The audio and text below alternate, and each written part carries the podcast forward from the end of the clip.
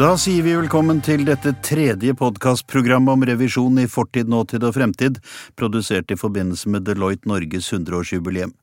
Mitt navn er Christian Borch, og denne gangen skal vi se noen meter inn i fremtiden på nye aspekter ved det vi har kalt verdien av tillit, som også er gjennomgangstema for hele serien, og samtidig tittel på en ruvende jubileumsbok om revisjonens historie gjennom 5000 år.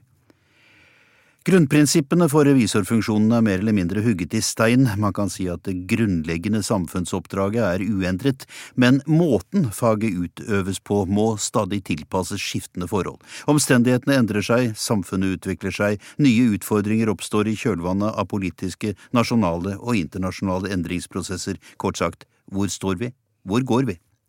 I dette programmet skal vi ta for oss hva vi tror om den fremtidige samfunnsutviklingen, og hvordan balansen mellom tillit og kontroll vil arte seg både i offentlig og privat sektor. Og først, Per Christian Foss, du leder kollegiet av fem stortingsoppnevnte riksrevisorer og skal, sitat, bidra til at fellesskapets midler og verdier blir brukt og forvaltet slik Stortinget har bestemt. Du har eh, ikke spart på kruttet når det gjelder skjevheter og mangler, blant annet kom du med massiv kritikk av Justisdepartementet for beredskapen etter to 22.07-massakren. Enkelte hevdet at det gikk en smule utover det som er Riksrevisjonens rolle her. Skal Riksrevisjonen blande seg opp i spørsmål av så operativ karakter? Ja, det er vi pålagt eh, i lov av Stortinget. Eh, å kontrollere at Stortingets vedtak og forutsetninger blir fulgt opp. Dette var ett eksempel, Justisdepartementets arbeid med beredskap i departementsfellesskapet der var eh, ikke tilstrekkelig gjort etter de meget sterke pålegg som eh, Stortinget gjorde etter 22. juli-massakren, som du nevnte. Det er bare ett eksempel. Vi, vi velger ut en ti–tolv sånne kontrollområder for en forvaltningsrapport per år. Vi prøver da å bruke et skjønn basert på risiko, hvor er det stor fare for at eh, det kan være overskridelser, og konsekvensen av det. Eh, Altså, det må ikke være detaljsaker. Det må være noe som virkelig teller, enten for mennesker. Eh, Når vi kontrollerer barnevernet, så er jo ikke de store beløpene nødvendigvis det dreier seg om, men du verden hvor avgjørende det er for de mennesker det gjelder. Eller når vi kontrollerer eksempel Navs oppfølging av de som er uten arbeid, som har vært stått utenfor arbeidslivet for lenge. Eh, Da er, det, da det mennesker som teller, men det kan være milliarder når vi også kontrollerer oppfølgingen av Stortingets vedtak om kjøp av nye, uh, nytt utstyr til Forsvaret. Er, er vi operative slik vi ønsker? Vi kommer tilbake til eh, virksomheten eh, etter hvert her, men først Åse Omdal Lundgaard, du er daglig leder av Deloitte. En del bedriftsledere og andre hever sin røst i debatten om revisorenes virksomhet og sier at nok er nok, det blir lett for mye kontroll, og det er altså kontraproduktivt å introdusere enda sterkere kontrollregimer i fremtiden, eventuelt også på nye områder. Hva er ditt syn på det, basert på din erfaring? Jeg tenker vi må ta utgangspunkt i hvorfor vi har kontroll. Og det er jo for å sikre tillit i samfunnet. Både, som man sier her, i offentlig og privat virksomhet. Og så er det jo det at tillit er ikke noe man bare har fått og har for evig og alltid. Det er faktisk noe man må gjøre seg fortjent til. Og sørge for å vedlikeholde og underbygge og, og faktisk også bekrefte. Så da er tillit er et resultat, det er noe du får som du må dokumentere, og da dokumentere at man har kontroll. Jeg er heller ikke sikker på at det er riktig at vi har sterkere kontroll i dag enn for mange hundre år siden, for den saks skyld. Jeg, eh, jeg tror derimot det er riktig at eh, det er kravet til dokumentasjon det har økt, og det er nok en del som, som reagerer litt på. Men da igjen så tenker jeg at samfunnet det stiller eh, økte krav til at man, er, at man har kvalitet i prosesser, at man er transparent. For å trygge, trygge, som det ble sagt her, enkeltmennesker og, og samfunnet for øvrig. Og ikke minst for å sørge for et ansvarlig næringsliv. Så da tenker jeg vi må akseptere at vi må dokumentere og underbygge at vi har kontroll.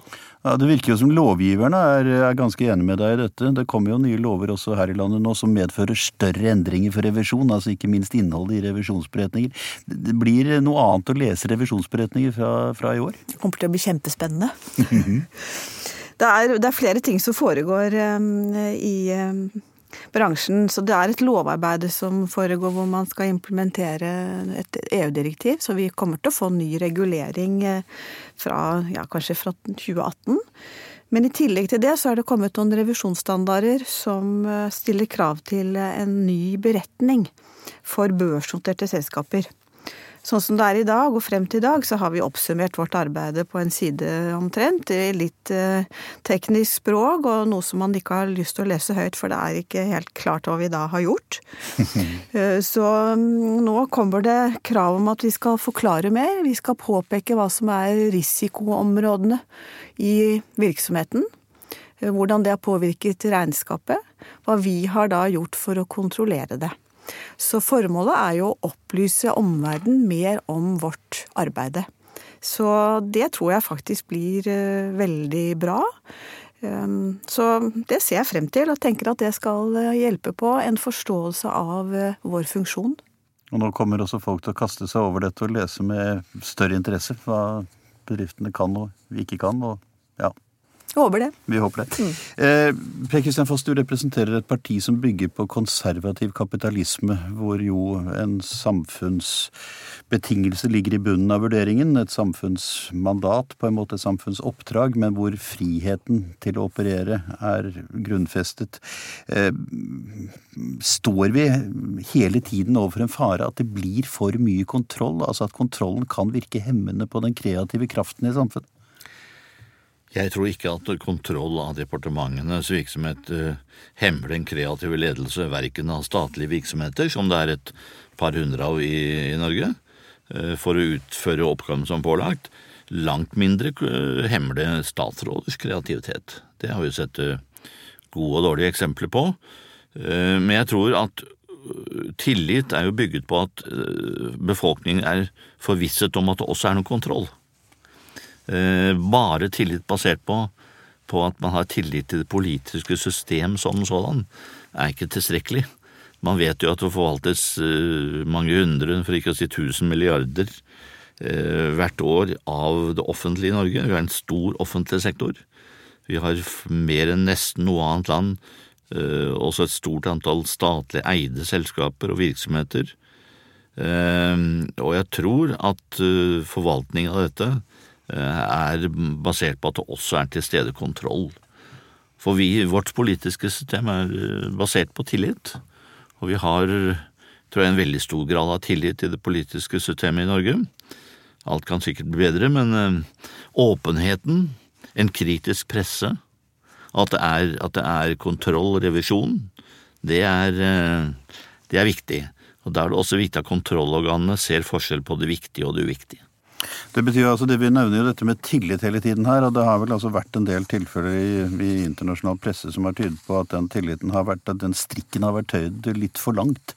Jeg vet ikke, øh, Åse Omdal Lundgaard, ser du at samfunnet på en måte aksepterer og, og ønsker seg revisorfunksjonen øh, styrket? Altså er det bedre, en større forståelse for revisorfagets virksomhet i samfunnet? Jeg tror jo at eh, det er oppmerksomhet rundt eh, faget og funksjonen, for ellers så tror jeg ikke politikere hadde brukt så mye tid på å regulere bransjen. Men jeg har også lyst til å kommentere litt det som, eh, som riksrevisoren her snakker om, dette med, med om kontroll demper kreativitet. Jeg tenker at man av og til bruker kontrollbegrepet litt for begrenset. Man uh, bruker det som om det bare er det å etterkontrollere passivt etterpå. Jeg tror man glemmer at kontroll også er de systemene man har etablert. Så det forebyggende kontrollarbeidet er også veldig viktig. Så, så, det tenker jeg at når man fokuserer på kontroll, riksrevisorens arbeid og eksternrevisor, så blir vi opptatt av den delen av det. Men det er bare for å verifisere at det fungerer som forutsatt. Og nettopp for å sørge for da at man kan ha tillit til systemet. Men mesteparten av kontrollen som skjer i samfunnet, er jo de systemene og rutinene som er etablert. Når det gjelder det med, med Man er mer oppmerksom på, på, profesjonen og viktigheten. Jeg er litt usikker på det. Ehm, jeg tror ikke man helt forstår hvilke rammebetingelser man må ha. Ehm, det blir ofte litt negativt oppfattet, at det er liksom noe passivt. Mens ehm, funksjonen er jo med på å sikre kvalitet. Eh, og som eksternrevisors oppgave er jo å sikre kvalitet i finansiell rapportering. Men Per Kristian Foss, altså det betyr jo at eh, det er også de samfunnsinstitusjonene som da er etablert og satt til å legge premissene for næringslivets utfoldelse, som ligger innenfor ditt område. Ja, Vi kontrollerer jo ikke stat, statlig, statlig eide bedrifter. Bedriftene har Eh, Statoil, Hydro, det er DNB, der staten har store eierposisjoner, kontrolleres av private revisorer. Men det vi kontrollerer, det er departementenes måte å styre eh, selskapene de eier på. Mm. Og jeg tror nok at med den eh, økte globalisering vi ser nå, hvor også statlige selskaper er engasjert worldwide, for å si det mildt, Eh, vi har sett Telenor, VimpelCom, vi har sett eh, strid i forbindelse med Statoils engasjementer i land med et høy korrupsjon. Eh, og dette er bare et par eksempler, flere finnes helt sikkert. Det gjør det ikke mindre viktig å ha en kontrollfunksjon. Og jeg ser jo at EU lager, legger ganske betydelig vekt på nå å ut, utforme standarder på dette området. De har til og med kommet så langt som å ville sette begrensninger hvor mange styreverv bankstyrene kan ha. Mm. Altså kan du ha et styreverv som betalte en million kroner og samtidig sitte på eh, tolv andre styreverv? Det sier EU at nei, det går ikke. Har du et styreverv i en dominerende bank, så skal det være det viktigste du driver med. Det er ganske interessant å se at EU går lenger enn vi har tenkt oss i Norge på dette området. Og dette har noe indirekte med kontroll også å gjøre, altså. Men det er en interessant tanke, for uh, du sier altså her at, uh, at uh, man tror at det bare dreier seg liksom om kontroll i ettertid, at man altså sjekker at tingene har gått riktig for seg. Men det er jo klart at de kommentarene som kommer om det som skjer, vil jo da være på en måte trendsetting for fremtiden. Altså det vil jo gi en indikasjon på hvordan man skal fortolke reglene osv. Og, og det er jo også en løpende veiledning. Vi er jo ikke ute etter å ta en statsetat for å føre et dårlig regnskap.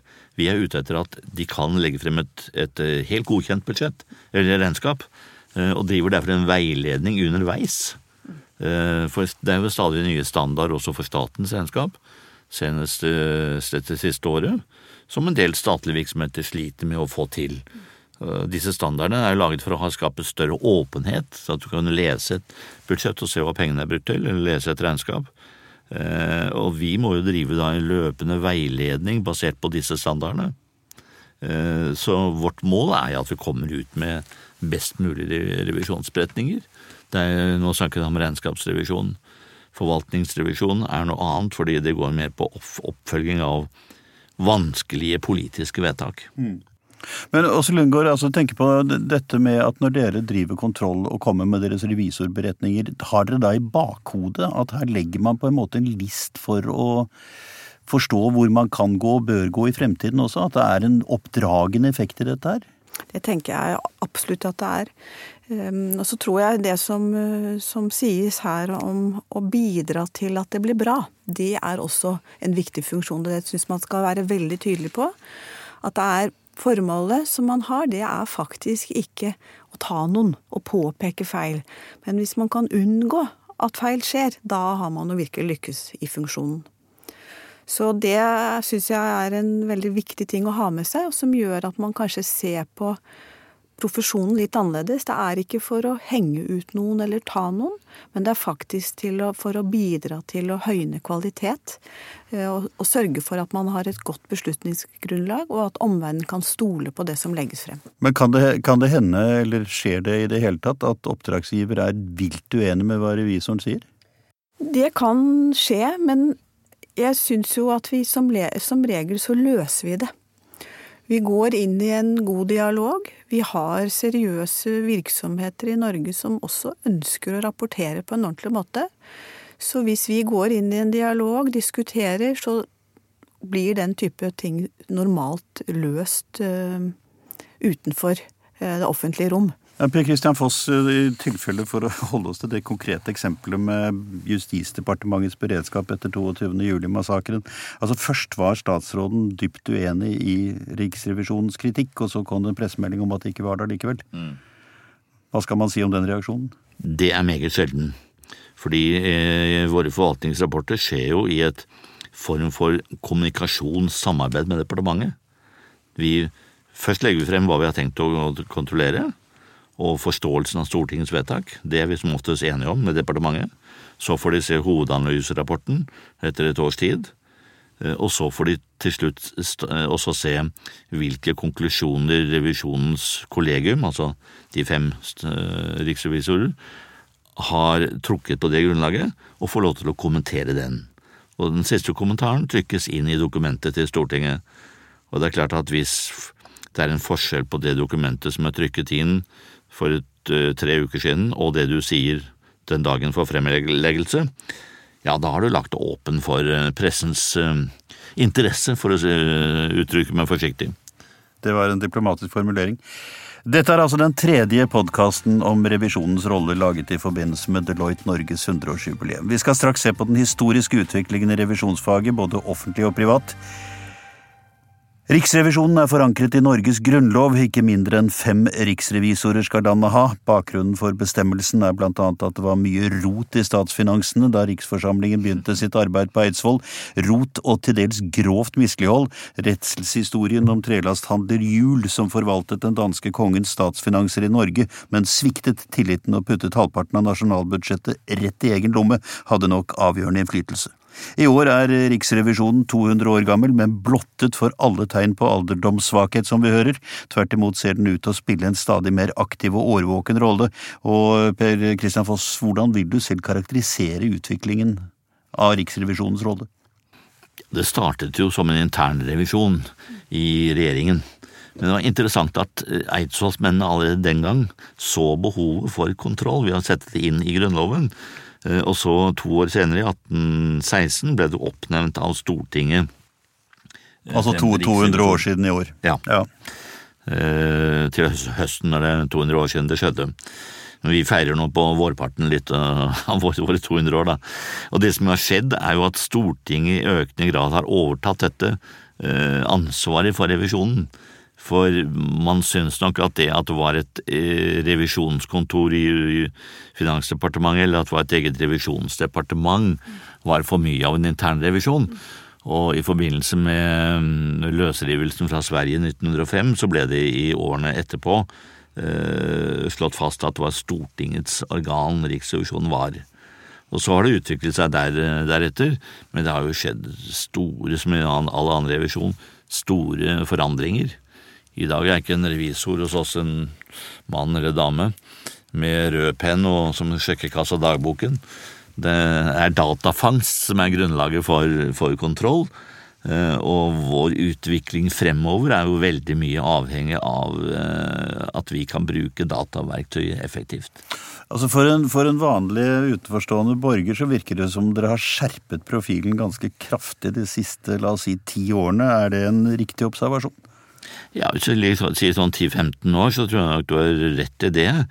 Eh, så sent som i 2004, var det vel, 2004, eh, så slo Stortinget fast i en lov at vi skal gjennomføre forvaltningsrevisjon. Det var den siste lovendringen.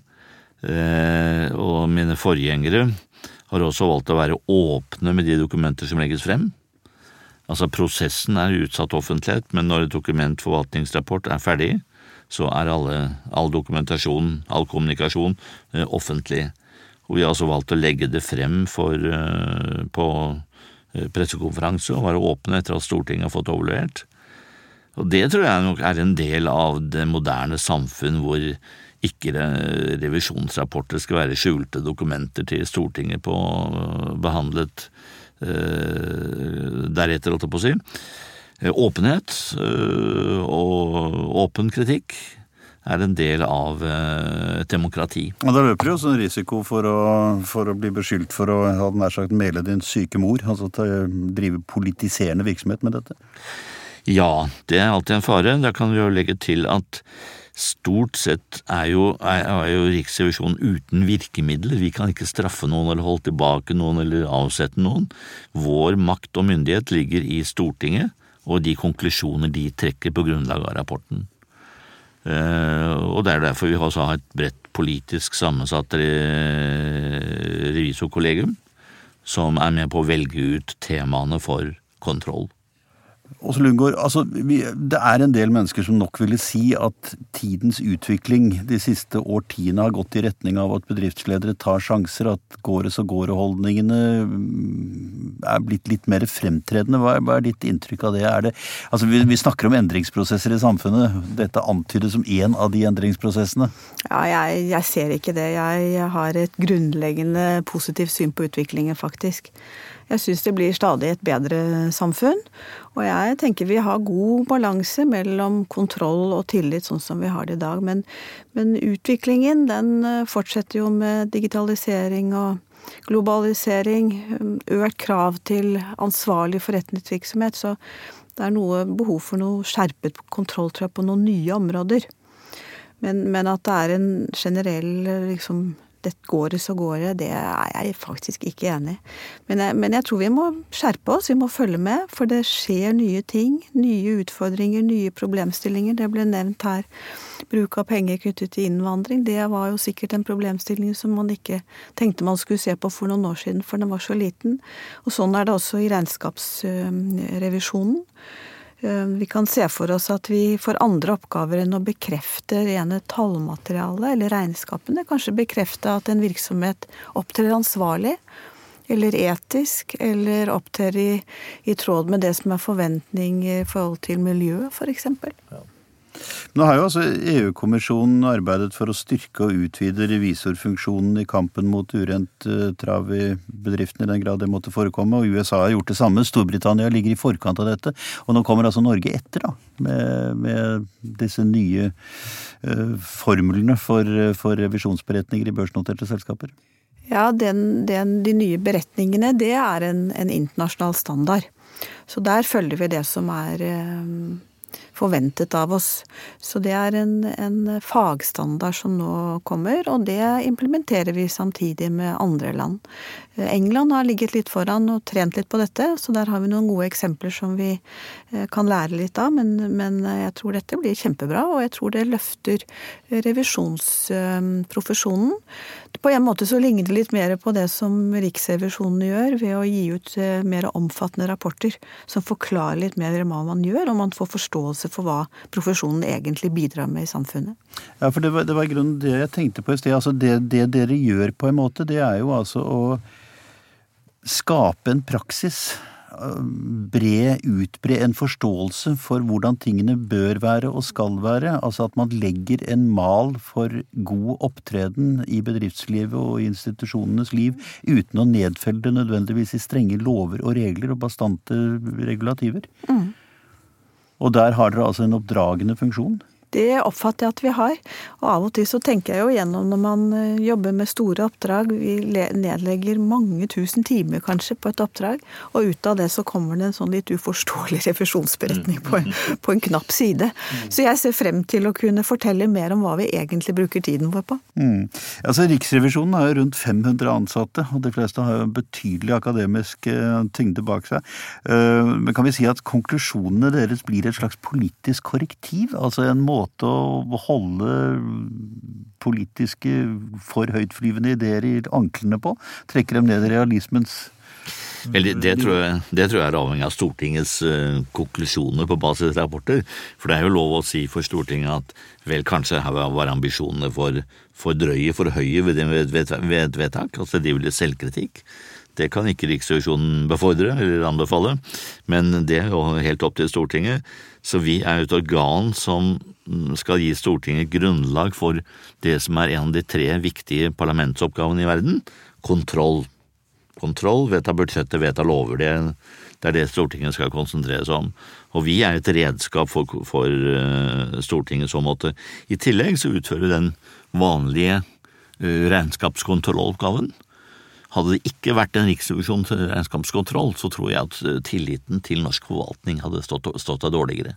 Dere har jo altså da veldig godt kvalifiserte mennesker som får en betydelig innsikt og forståelse av hvordan politiske systemer fungerer osv. Greier dere å holde på disse menneskene? Ja, vi har en veldig stor stabilitet. Uh, turnover på ca. 5% Det er i underkant av gjennomsnittlig. Folk liker jobben sin, for å si det sånn. Folk liker jobben sin, og vi er veldig gode når vi søker nye folk f.eks. For til forvaltningsrevisjonen. En stilling nylig hadde vi 160 søkere eh, til én stilling. Mange av de hadde doktorgrader. Så vi, vi eh, rekrutterer veldig flinke fagfolk innen økonomi, jus, samfunnsvitenskap til forvaltningsrevisjonen. Eh, også Omdal Lundgaard, hvordan er den situasjonen i den private revisjonsvirksomheten? Altså Fremtidens revisorer må jo ha en blanding av revisjonskompetanse, forretningsforståelse, sunn fornuft og samfunnsinnsikt, holdt jeg på å si, som er ganske unik. Er det, er det lett å holde på de gode folkene? Ja, vi nå har vi nok litt høyere turnover enn det som er i Riksrevisjonen. Men jeg tror det som beskrives her, at det er økt interesse for den type jobber, det tror jeg har med unge menneskers samfunnsengasjement er mange unge mennesker i dag som er engasjert i, i at samfunnet skal være godt. At det skal være ansvar i, ansvarlighet i næringsvirksomhet. Det tror jeg vi ser også når vi rekrutterer, at de er ikke først og fremst opptatt av kanskje profitt og lønninger og bonus, men de er faktisk engasjert i hvordan samfunnet utvikler seg. Så kan man jo lure på om det er noe som man får med seg inn i utdannelsen. Eh, så der er det kanskje et element som vi skulle være tydeligere på. Det at man, hvis man utdanner seg som revisor og tenker at det er en vei man ønsker å gå, så burde man kanskje også lære mer om samfunnsstrukturer.